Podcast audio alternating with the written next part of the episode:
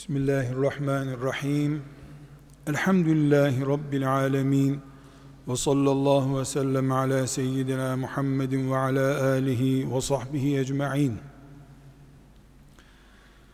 Değerli mümin kardeşlerim, sevgili Peygamber aleyhisselam Efendimizin hayatında meşakkatlerle dolu bir Mekke dönemi olduğunu hepimiz iyi biliriz. Bu Mekke dönemi bilhassa amcası Ebu Talib'le annemiz Hadice radıyallahu anhanın vefat ettiği ve adına hüzün senesi denen yılda çok daha fazla dayanılması, katlanılması zor hale gelmişti. Resulullah sallallahu aleyhi ve sellem Efendimiz Mekke'de müşriklerin huzur vermeyen, rahat ettirmeyen tavırlarına belki bir çare olur umuduyla akrabalarının bulunduğu bugünkü yollarla yaklaşık yüz küsür kilometrelik bir mesafede olan Taif şehrine gitmişti. Taif'teki akrabalarından insan olarak kendilerine sahip çıkabileceklerini yani Resulullah sallallahu aleyhi ve sellemin şahsına ve ailesine sahip çıkabileceklerini umuyordu. Çok hüzünlü bir 11 yıldan sonra hüznünü teselliye çevireceğini umut ettiği Taif'te ummadığı taşlar başına düştü. Taifliler Resulullah sallallahu aleyhi ve sellem Efendimizin mübarek bedenine zarar vermeye yeltenecek kadar abartılı ve düşmanca bir tavırla onu karşıladılar. Bunu hepimiz defalarca duymuşuzdur. Ona Allah senden başka gönderecek kimse bulamadı mı diye hakaret de ettiler. Onun Taif'e sığınmasını kabul etmediler. Neticede Resulullah sallallahu aleyhi ve sellem Efendimiz bir umut ışığı olarak zannettiği Taif'ten Mekke'ye geri dönmeye karar verdi.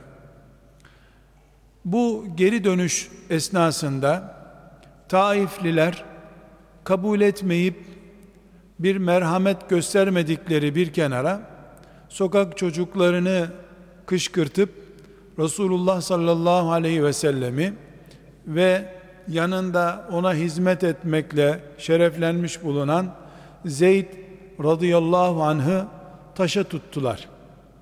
Resulullah sallallahu aleyhi ve sellem Efendimizin mübarek vücudundan kanlar aktı. Eziyetler içerisinde şehrin dışına zorla çıkabildi.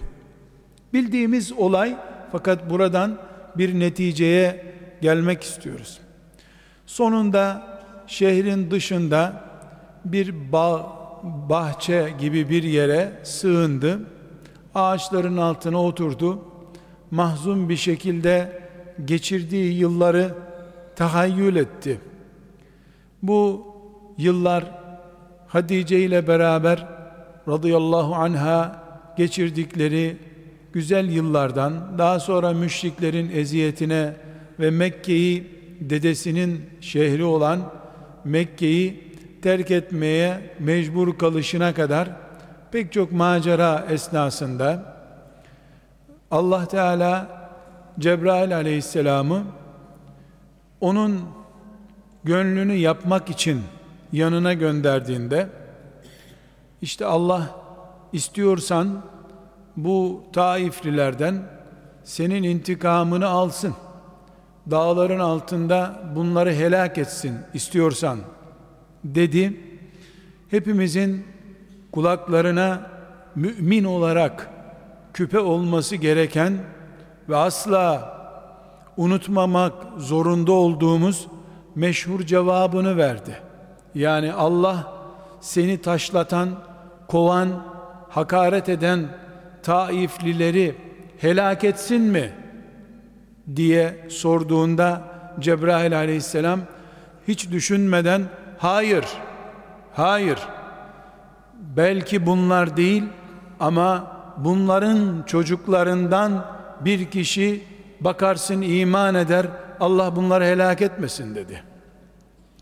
Kardeşler bu ayrı bir nokta ama özellikle Resulullah sallallahu aleyhi ve sellemin bir yandan mübarek vücudundan kanlar akarken bir yandan da Rabbi ile baş başa kalıp o esnada söylediği sözler gerçekten bir Müslüman olarak hangi peygamberin ümmeti olduğumuzu, nasıl bulutlardan daha fazla merhamet yüklü olduğunu ve Allah'a ne kadar bağlı olduğunu anlatan meşhur duasını burada sizlere arz etmek istiyorum.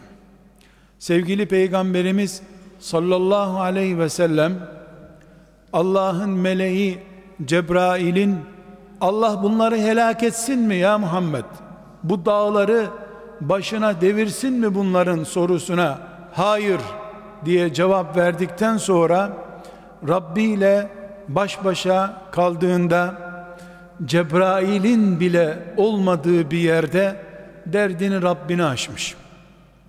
Orada yaptığı dua özet olarak bütün Müslümanların ticaretinde, siyasetinde, evinde, ailesinde, akrabalarında, sokağında, dünyada hayatın kendisini bunalttığı zanneden, eğer mümkünse taşlanıp vücudundan kanlar aktığı bir zamanda böyle bir şey olduysa, hangi dua ile Rabbine sığınması gerektiğini, bunalanın ne diyeceğini Resulullah sallallahu aleyhi ve sellem Efendimiz bize örnek olarak gösteriyor. Bu onun orada Rabbine yalvarışıdır. Ama sonunda yanında bulunan Zeyd radıyallahu anh bu olayı bize nakletti veya başka bir yolla bize ulaştı. Orada diyor ki Allah'ım bütün bu zayıflığımı insanların beni horlayışını bu çektiğim sıkıntıları sana şikayet ediyorum. Sen merhametlilerin en merhametlisisin. Sen Erhamur Rahiminsin. Allah'ım beni kime bıraktın? Beni uzaklardaki bir düşmanın eline mi terk ettin? Yoksa beni horlayacak bir zalimin eline mi bıraktın? Ama Allah'ım eğer benim bu halim seni memnun edecekse şikayetçi değilim. Yeter ki sen benden razı ol. Senin şu kainattaki her şeyi aydınlatan yüzünün hürmetine sığınıyorum. Sen benden razı ol.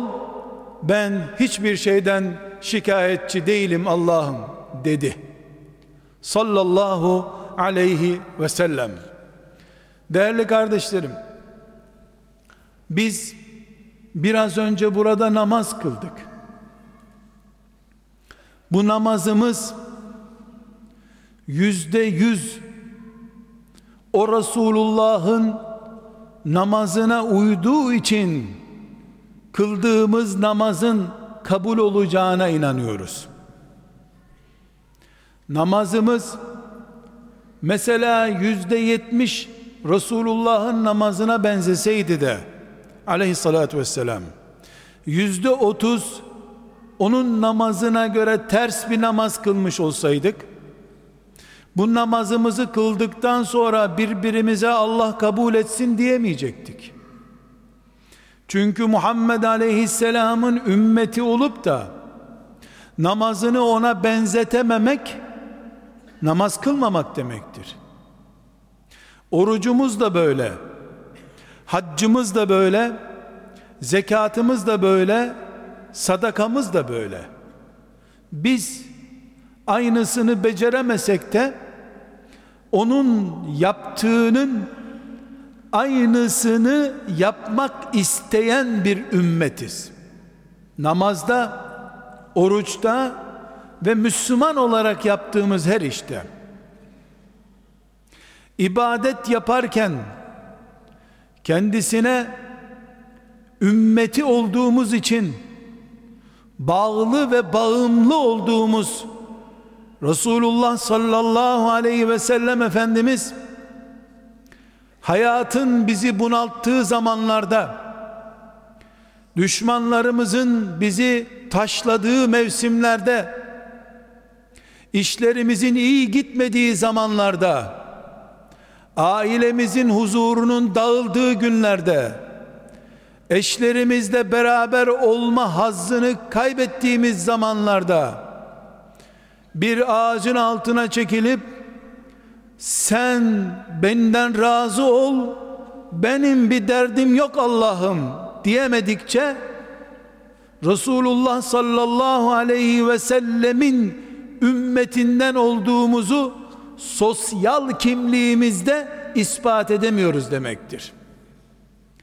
Namazda Muhammed'in ümmeti sallallahu aleyhi ve sellem ama sinirlenince sosyal adam sinirli adam kızgın adam olamayız.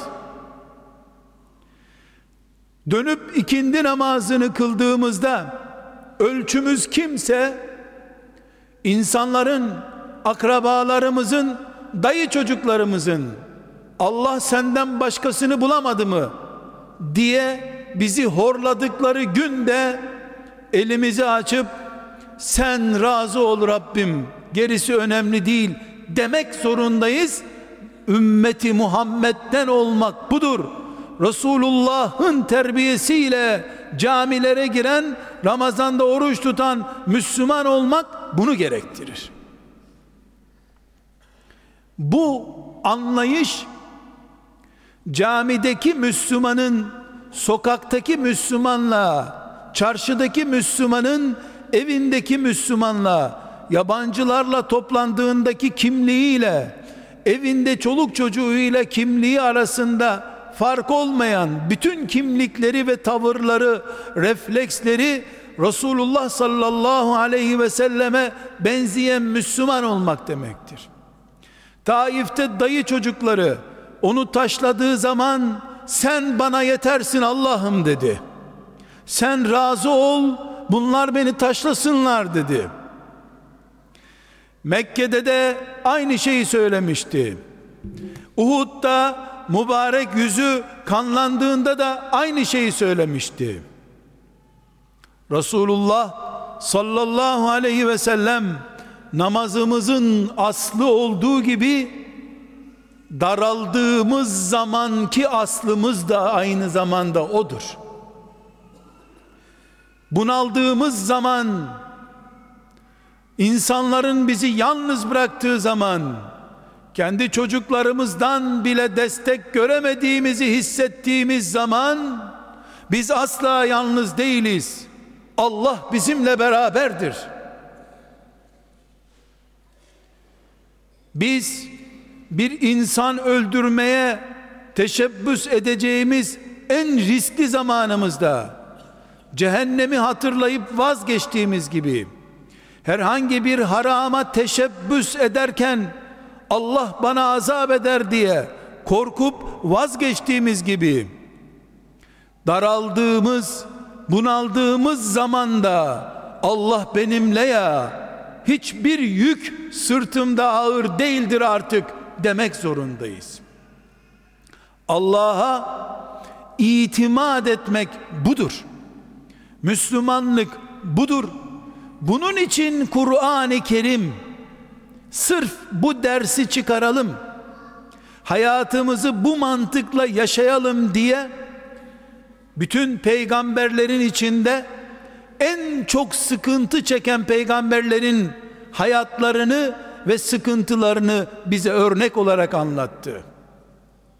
İbrahim Aleyhisselam'ın ateşe atılış sahnesi insanların yer yer çocuklarına anlatacakları masal olsun diye Kur'an'a konmuş değildir herhalde. İbrahim Aleyhisselam'ın çektiği sıkıntı bize varmış yokmuş geçmişte böyle insanlar densin diye değil. Ateşe atılacağı an mancınıktan ateşe inerken hasbunallah hasbunallah diye yerden göğe kadar her mahlukun duyduğu o meşhur sloganını ilan ettiğini bize söylemek için Allah Nemrud'un ateşini ve İbrahim aleyhisselamın o ateşe düşüşünü Kur'an'da ayet ayet anlatıyor. Ashab-ı kiramdan İbni Abbas radıyallahu anhuma diyor ki Allah İbrahim'i ateşe attırırken İbrahim ateşin alevlerini gördüğünde hasbunallah ve ni'mel vekil dedi. Allah bana yeter, benim vekilim Allah'tır dedi. İtimadını gösterdi. Son anda, en riskli anda yandım diye bağıracak yerde güvendim Allah'ım dedi. O İbrahim peygamberdi. Ama bizim örneğimiz Müslümanlık böyle olur diye anlamamız için Allah'ın Kur'an'ına koyduğu İbrahim o. En zor zamanında adeta fırına tepsi gibi sürülürken haktı hukuktu hesabı sorulur intikamı alınırdı diye bağırmadı hasbunallah ve ni'mel vekil diye ilan etti Allah bana yeter ey Nemrut diye bağırdı. Allah da ona yetti gerçekten. Olmaz şey oldu. Ateş insanı yakmadı yakmadığı gibi huzurlu bir bahçeye dönüştü.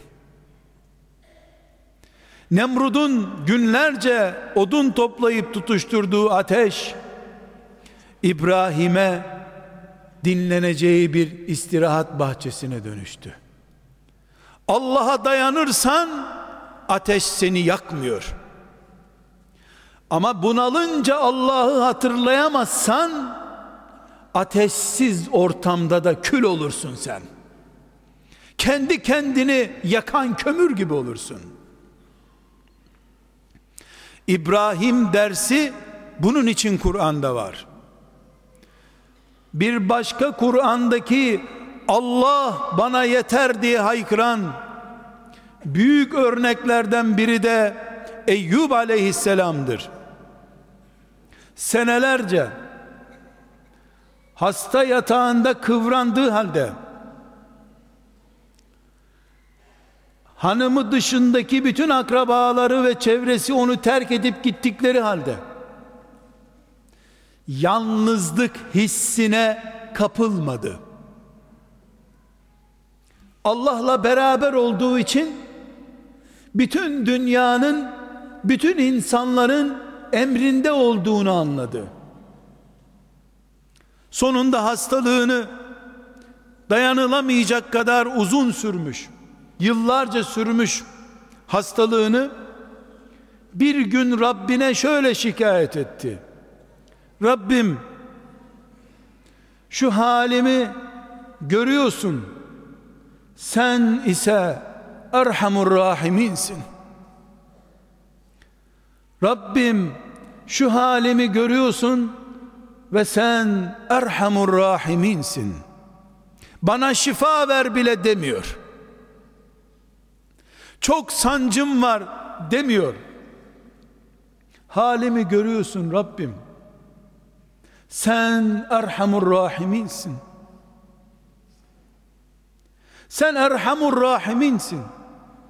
Benim bana olan acımamdan fazla sen bana acıyorsun. Halim de budur. Festecebna leh. Eyyub'un yalvarışına cevabımızı verdik Allah buyuruyor. Çünkü Eyüp Allah'tan şifa bile istemedi. Sen görüyorsun ya Rabbim yeter dedi. Sadece şifa isteseydi muhakkak duası kabul olur ve iyi olurdu. Ama bu sefer geçmişindeki hastalık stresi yeniden onu hasta edecekti. Hastalığı iyi olacak, geçirdiği uzun yılların stresini atamayacaktı. İşi toptan Allah'a havale edince bütün gökler ona açılmış gibi huzur ve mutluluk buldu. Bu örnekte Kur'an-ı Kerim'de hastalıktan kıvranan müminlere sunulmuş bir örnektir. Ateşler içinde kıvranan dünyanın kendisini bir fırına atıp kavurur gibi eziyet ettiği, ettiklerini zannedenler İbrahim'i görsünler. Hastalıktan bunalanlar da Eyyub'u görsünler diye Allah kitabı Kur'an-ı Kerim'de bize bu malumatları verdi. Kardeşlerim bir de bir örnek var ki çocuk büyütürken iş idare ederken ticaret noktamızı yürütürken insanlara hizmet ederken insanlardan hizmet beklerken hiçbirimizin unutmaması gereken Şuara suresinde Allahu Teala'nın Firavun tarafından kovalanan Musa aleyhisselam ve kavmi İsrail oğulları ile ilgili çok dikkatimizde olması gereken bir örnek var. Bildiğiniz gibi Musa aleyhisselam büyük bir mücadeleden sonra Firavundan kendi kavmi olan İsrail oğullarının hürriyetini elde etmeye çalıştı. Firavun bunu kabul etmedi. Firavundu ama aklı çalışıyordu. Bunları salarsam gittikleri yerde palazlanırlar diye burada kalın diyordu. Ben sizin karnınızı doyururum. Ben size yeterim diyordu. Kendi başınıza bir yerde olmayın istiyordu. Musa aleyhisselam da bir gün İsrail oğullarını toplayıp Allah'ın izniyle Kudüs'e doğru yola çıktı. Firavun da bunu anladı. Yani operasyon ortaya çıktı.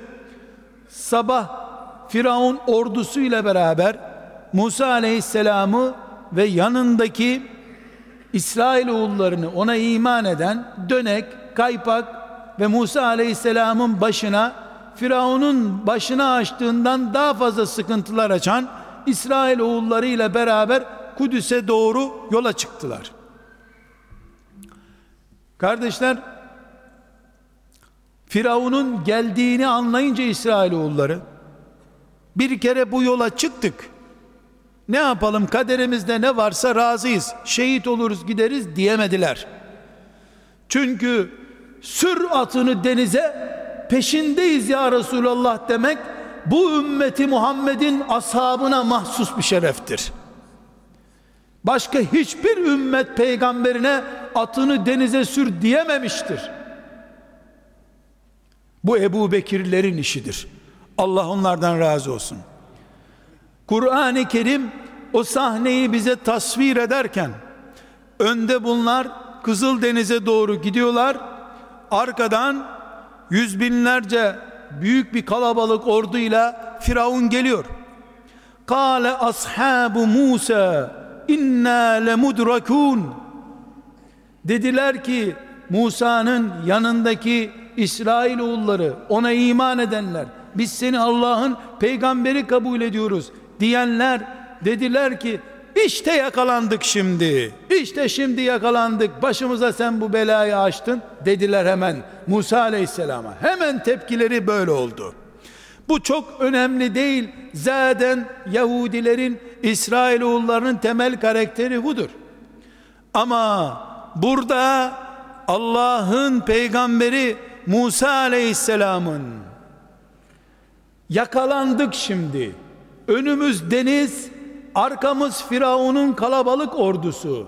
Biz helak olduk diyenlere verdiği cevap Kur'an-ı Kerim'in bunaldığını zanneden, hayatın onu ezdiğini zanneden, çocuklarına söz dinletemediğini zanneden, fakir kaldığını, iş bulamadığını zanneden, çeklerinin ödenmediğini zanneden, bu sene yağmur yağmadığı için tarlanın mahsul vermeyeceğini zanneden, gelecekte ekonomik krizler olacak diye endişelenen ama Allah'a iman ettiğini de söyleyen bütün müminlere kıyamete kadar hayata nasıl bakmaları gerektiğini anlatan Musa aleyhisselamdan iktibas edilmiş şu sözü Allah Kur'an'ına koyuyor. Kale kella kella asla asla böyle değil. İnne ma'iye rabbi seyehdin. Ben Allah'la beraberim. O bana bir çare gönderir. Musa cevabı. İşte şimdi yakalandık diyenlere Musa'ca cevap asla asla. Ben Rabbimle beraberim. Seyehdin Rabbim bana bir çare gönderecek. Oldu mu? Oldu tabi sen arkandaki yüz binlere bulmuş büyük bir orduya seninle beraber dolaşan ötleklere rağmen asla yalnız değilim Rabbimle beraberim Rabbim bana bir çare gönderir dersen bunun anlamı nedir? Senin bu sözünle yola dönüşmüş bir kızıl denizdir bu. Sigortasından ve diplomasından, torbilinden fazla Allah'a güvenenin onurudur bu. Onun önünde yollar hazır, denizler yol, havalar kanatlanabileceği bir zemindir.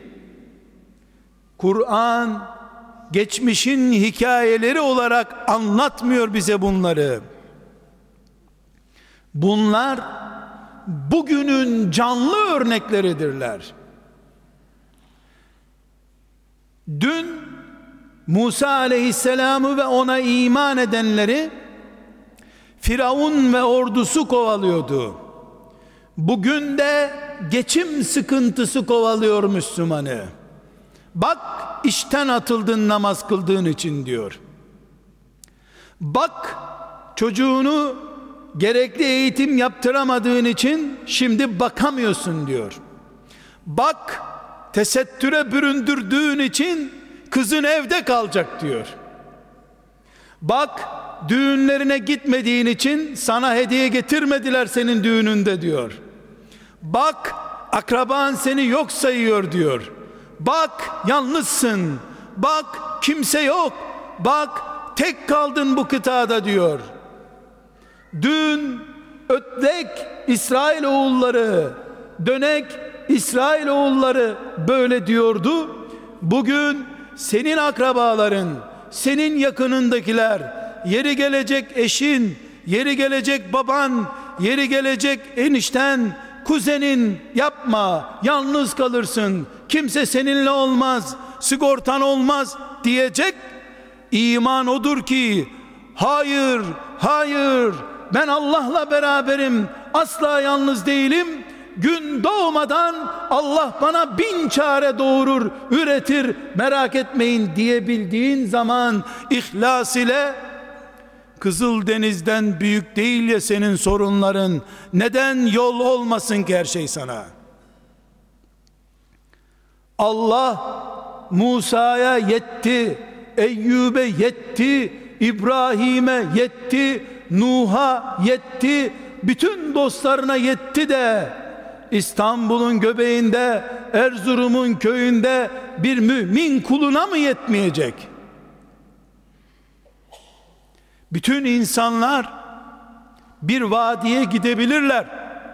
Bizim vadimiz Allah'ın olduğu vadidir. Bizim tarafımız bellidir. Çünkü biz bir kere Allah'tan yana olmayı tercih ettik. Bu tercihimizi bir daha değiştiremeyiz. Kardeşlerim, Kur'an'ımızın Ali İmran suresinde hepimizin çok iyi bildiği Uhud savaşını anlatırken zikrettiği bir örnek vardır. Bu örnek Resulullah sallallahu aleyhi ve sellemin ashabı ile ilgili. Uhud'daki büyük zayiattan ve yaralanmadan sonra Medine'ye zoraki geri geldiler. Ama bir haber duyuldu ki müşrikler tekrar toplanıp Medine'yi basmak istiyorlarmış. 700 sahabiden 70 küsürü zaten şehitti. En az 250-300 kadarı da yara bere içerisindeydi. Gerisi de akşama kadar kılıç ve kalkan kullandıkları için takatsizdiler. Resulullah sallallahu aleyhi ve sellem düşmanı Medine'ye tekrar geri gelmeden kovalayalım diye bir karar verdi. Buyurdu ki herkes hazırlansın tekrar düşmanın üzerine gidelim. Bu arada münafıklar her riski ölüm olarak gören ötlekler dediler ki nereye gidiyorsunuz? Bu düşman bir daha güç toplayıp geldiğine göre sizde yara bere içerisinde olduğunuza göre sizin gitmeniz anlamlı değil. Oturun evinizde bari saklanın bir kenara. Gitmeyin düşmanın üstüne. Yürüyecek haliniz yok dediler. Kiminin kolu yaralı, kiminin kulağı kopmuş, kiminin dişi kırılmış, kiminin ayağının parmağı kesilmiş olan yaralı bereli sahabiler Kur'an'dan Ali İmran suresinden dinliyoruz.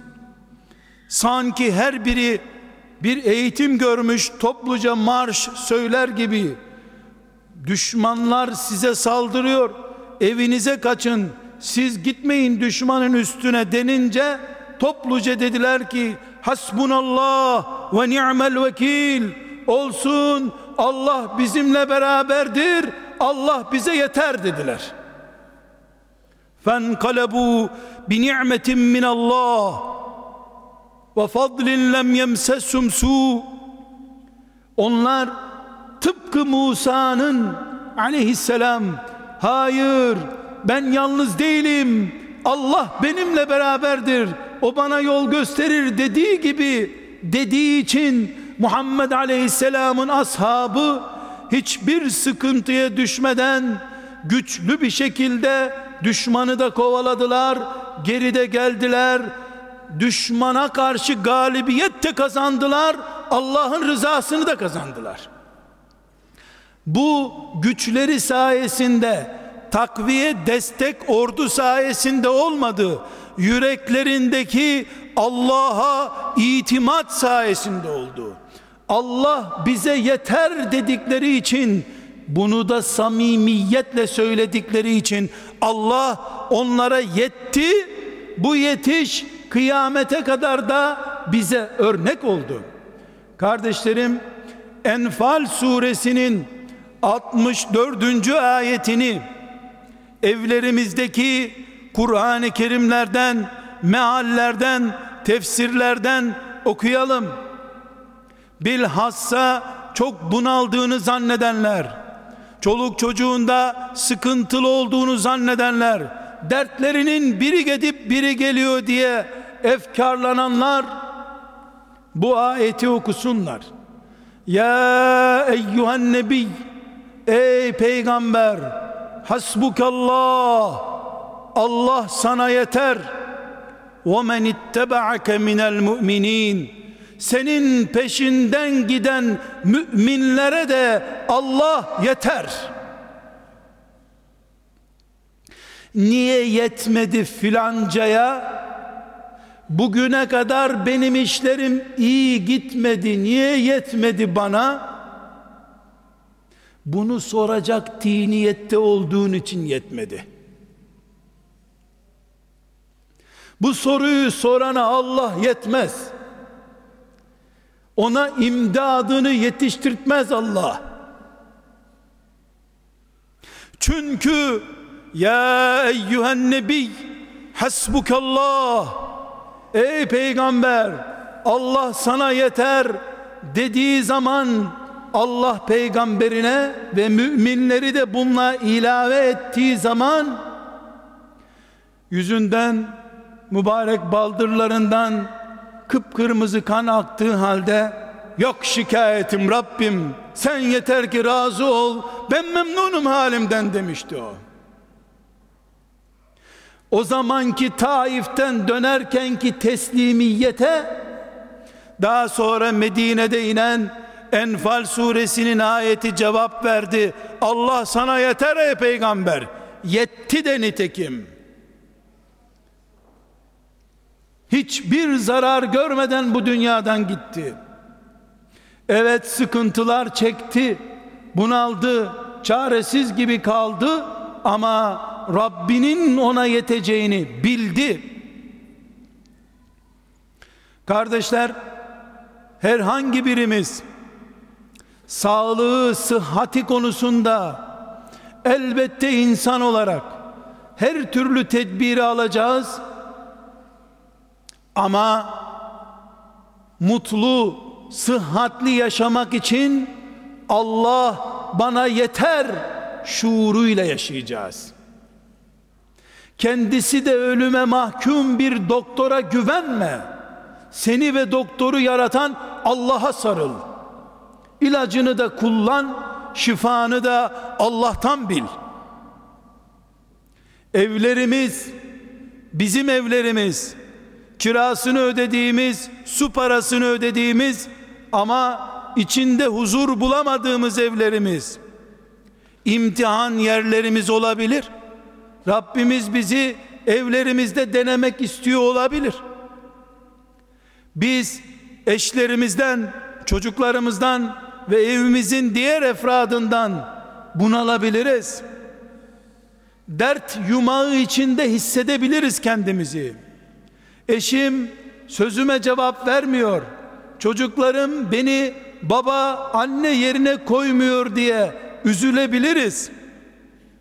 Seni eşin dinlemiyor olabilir. Çocukların dinlemiyor olabilir. Gece onlar uyurken sen seccadenin başında Rabbim dedin de dinlemedi mi Allah? Çocuklarına dinletemiyor olabilirsin.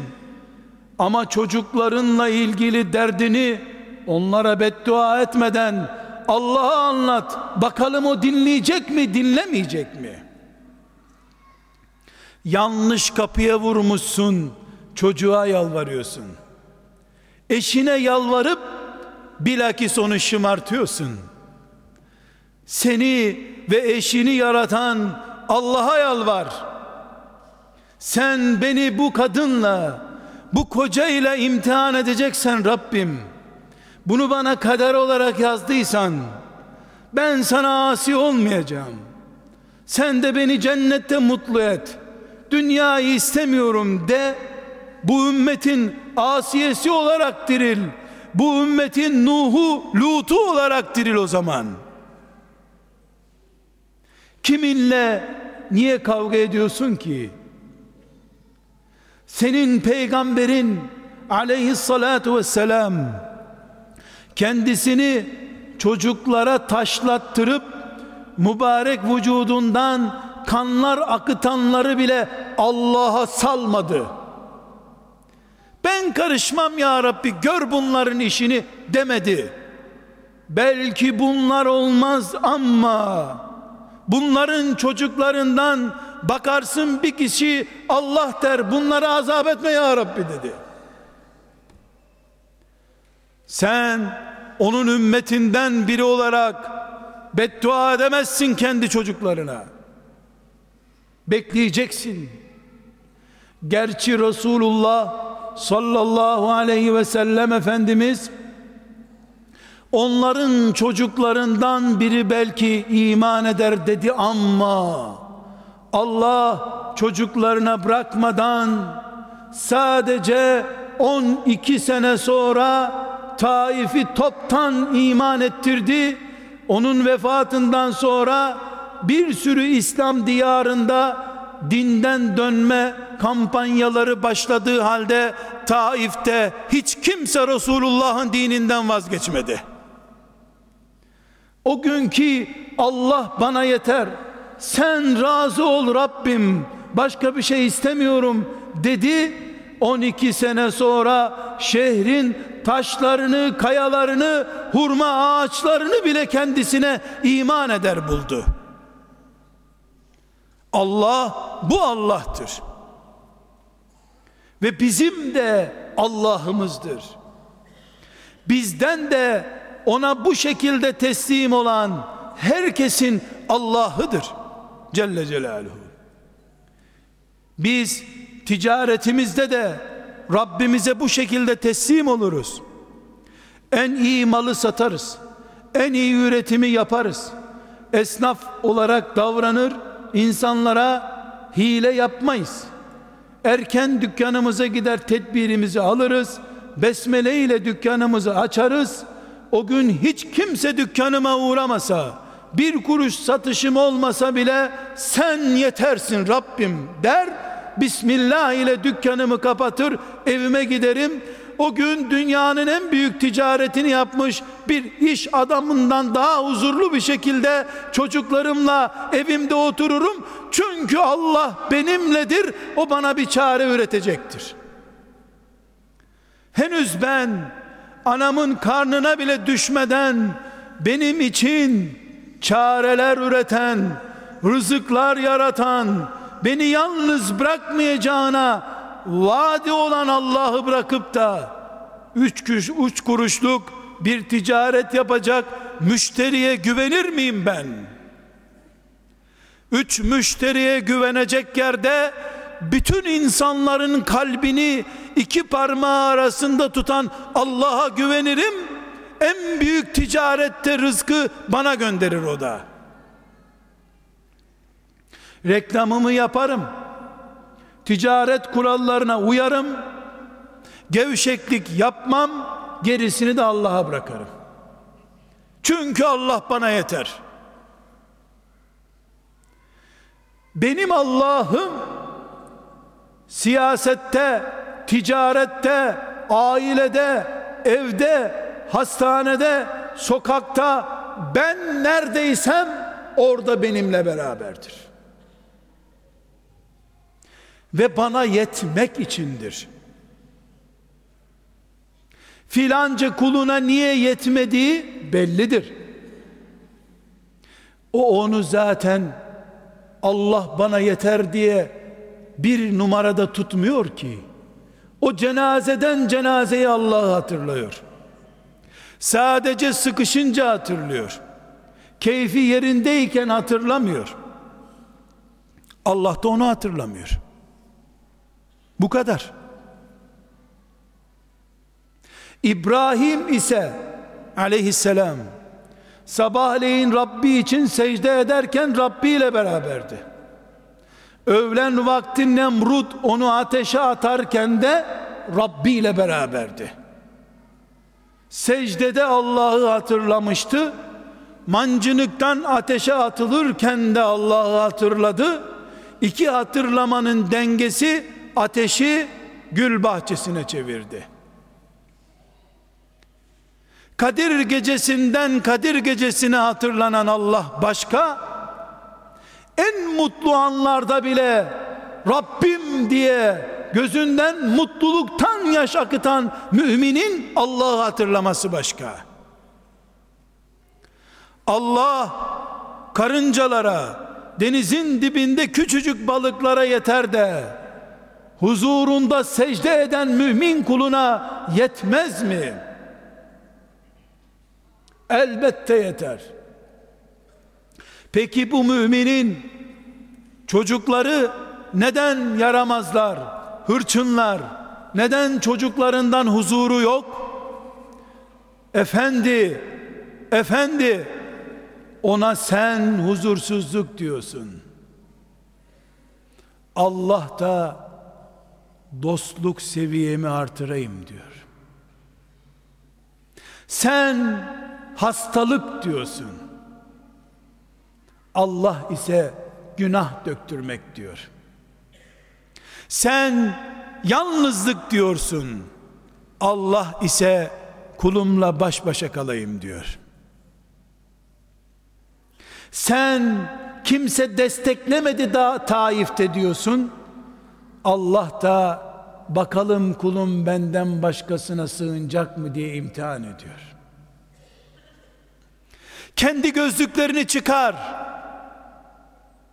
Batıl, liberal, kapitalist gözle bakan gözlüklerini ve gözlerini at. Allah'ın gözüyle bak. Eyyub'un gözüyle bak. İbrahim'in gözüyle bak. Asla yalnız değilim ben diyen Musa'nın gözüyle bak. Düşman geliyor, kaçsanıza evlerinize diyen münafıklara hayır Allah bizimle beraberdir. Allah bize yeter diyen Muhammed'in ashabına bak sallallahu aleyhi ve sellem. Onların gözüyle bakınca eziyet dediğin şeyin senin mutluluk kaynağın olduğunu göreceksin. Sen de kucağında kıvranan ateşler içindeki çocuğuna sakat doğmuş yavruna bakıp Rabbim değil mi bunu sen bana biçtin? Sen razı oldun değil mi Rabbim bu sakat çocuğu bana vermeye? Dünyanın en sağlam çocuğundan daha güzel benim için. Değil mi senden geldi Rabbim? Deyiver. Bu teslimiyeti göster. Ondan sonra bir makine gibi o çocuk yaşadıkça senin sevap numaralarını kaydetsin. Hem de huzur bul.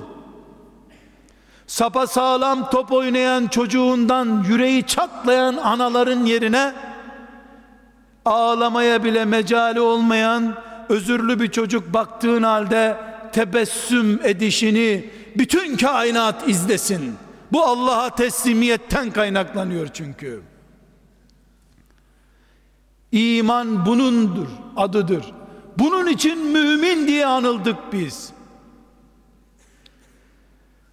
Allah böyle kullarına ecir üstüne ecir vaat ediyor. Böyle demeyi becerene şifası melekler tarafından getirilir. Bu teslimiyetin bedeli Allah ile beraber olmaktır. Yalnızlıktan, fakirlikten, tehditten korkmamaktır. Bütün insanlar bir vadiye çekilseler bu vadide tek başıma kalırım çünkü tek değilim. Allah ile beraberim. Peygamber aleyhisselam efendimizin amcasının oğlu olan İbni Abbas'a 7-8 yaşlarında iken yaptığı nasihati hepimiz duymuşuzdur. 7-8 yaşında bir çocuk İbn Abbas kendisi de 60-61 yaşlarında bir ihtiyar. Devesinin arkasına koymuş İbn Abbas'ı bakın ne diyor? Yavrum sen Allah'ı koru ki Allah da seni korusun diyor Yavrum keyfin yerindeyken Allah'ı hatırla ki keyfin bozulunca Allah da seni hatırlasın. Ve unutma yavrum bütün insanlık sana zarar vermek için, komplo kurmak için birleşseler, Allah'ın yazmadığını senin başına getiremezler. Yavrum unutma, bütün insanlık sana bir iyilik yapmak için toplansalar, kaderinde yazmadıysa Allah, onu sana yapamazlar. Çünkü kader yazıldı, kalem kaldırıldı, mürekkep kurudu, iş bitti. 8 yaşlarında 9 yaşlarında bir çocuğa dikkat ediniz. Hangi eğitimi veriyor? Bunun Türkçesi nedir güzel kardeşlerim? 8-9 yaşında çocuğa yavrum sen benim ümmetimden birisin. Bütün insanlığı karşına almaya hazır ol çünkü sen Allah'la berabersin. Türkçesi bu bunun. İman eğitimi, akide eğitimi de budur zaten. Kandil gecelerinde hatırlanan Allah değil.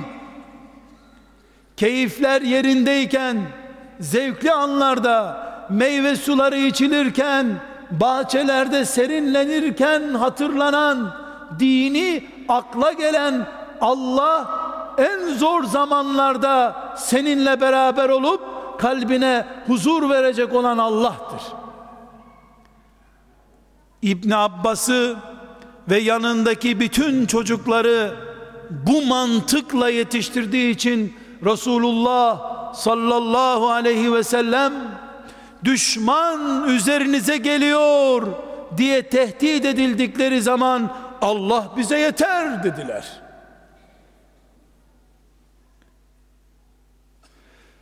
Biz de onun ümmeti olarak İbn Abbas'a yaptığı nasihati de taşlar kafasından, yüzünden, bacaklarından kan akıtırken Allah'a yaptığı arzını da örnek alıp Müslümanlığımıza ayar vermek zorundayız. Müslümanlık budur. Allah bunu istiyor. Bunu istediği için peygamberleri başta olmak üzere Kur'an'ında örnek olarak bunları bize anlatıyor. Diğer bütün örnekler filmdir. Ama bunlar Kur'an'dır. Biz de Kur'an ümmetiyiz. Velhamdülillahi Rabbil alemin.